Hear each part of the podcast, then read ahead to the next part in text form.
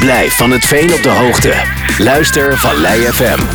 Vallei FM, Veenendaal. SV Panther doet het eh, goed dit jaar. Afgelopen zaterdag wist de ploeg voor de vijfde keer dit seizoen de nul te houden.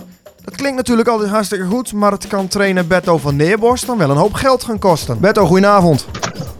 Goedenavond, Gean. Ja, ik zag een mooie 2-0 overwinning. Ja, en dat klopt ook.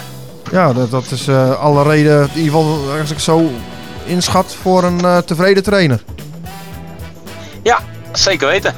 Eh, vooral de nul, dat vind ik weer heel fijn. En ook ehm, dat we vandaag een wedstrijd hebben waarin we meer dan één doelpunt maken.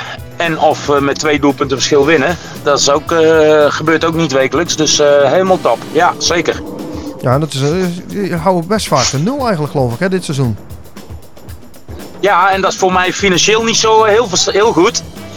Want ik heb met de jongens in ieder geval de afspraak om eh, een kratje te geven in de, in de kantine als we de nul houden. Ja, Maar ja, een kratje bier bij de Panter die kost eh, 54 euro.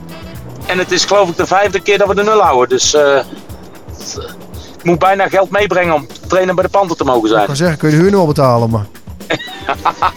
Nee, flauwekul wel, maar eh, ehm, nee, dat vind ik ook leuk om dat van mijn kant te doen. En ehm, ik hoorde vanavond ook van de jongens, het, het speelt gewoon in de koppies om eh, dan extra de nul te houden. Is dat goed? Nee, dat moet vanuit jezelf komen. Maar goed, eh, zo gaat het nou eenmaal binnen de voetballerij. Ja, dat is een ding wat zeker is. Hey, maar was, de- was de ploeg ook wel weer compleet vandaag? Of?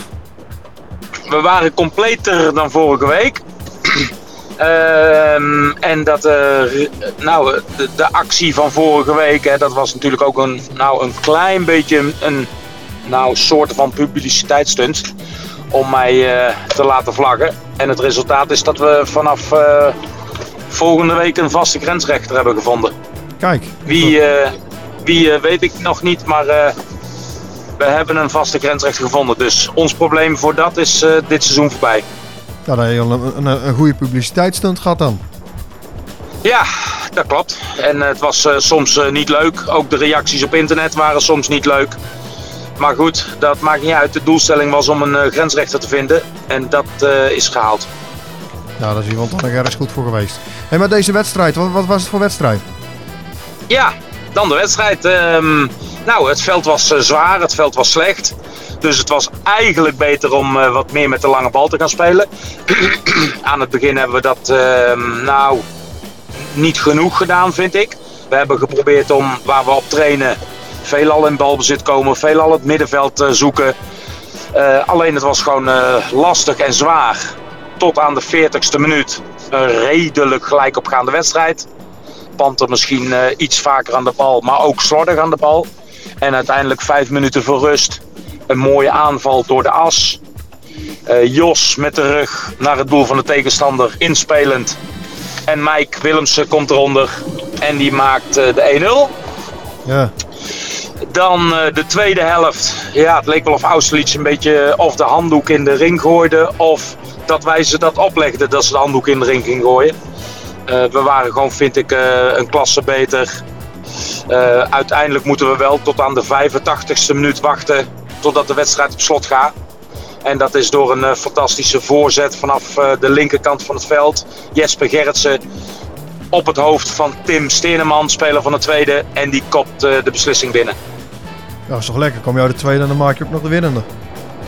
Ja, ja maar Tim is, ja, Tim is gewoon best een belangrijke speler voor de club. Als de trainer van tweede er niet is, geeft hij trainingen. Hij zit tegen het eerste aan.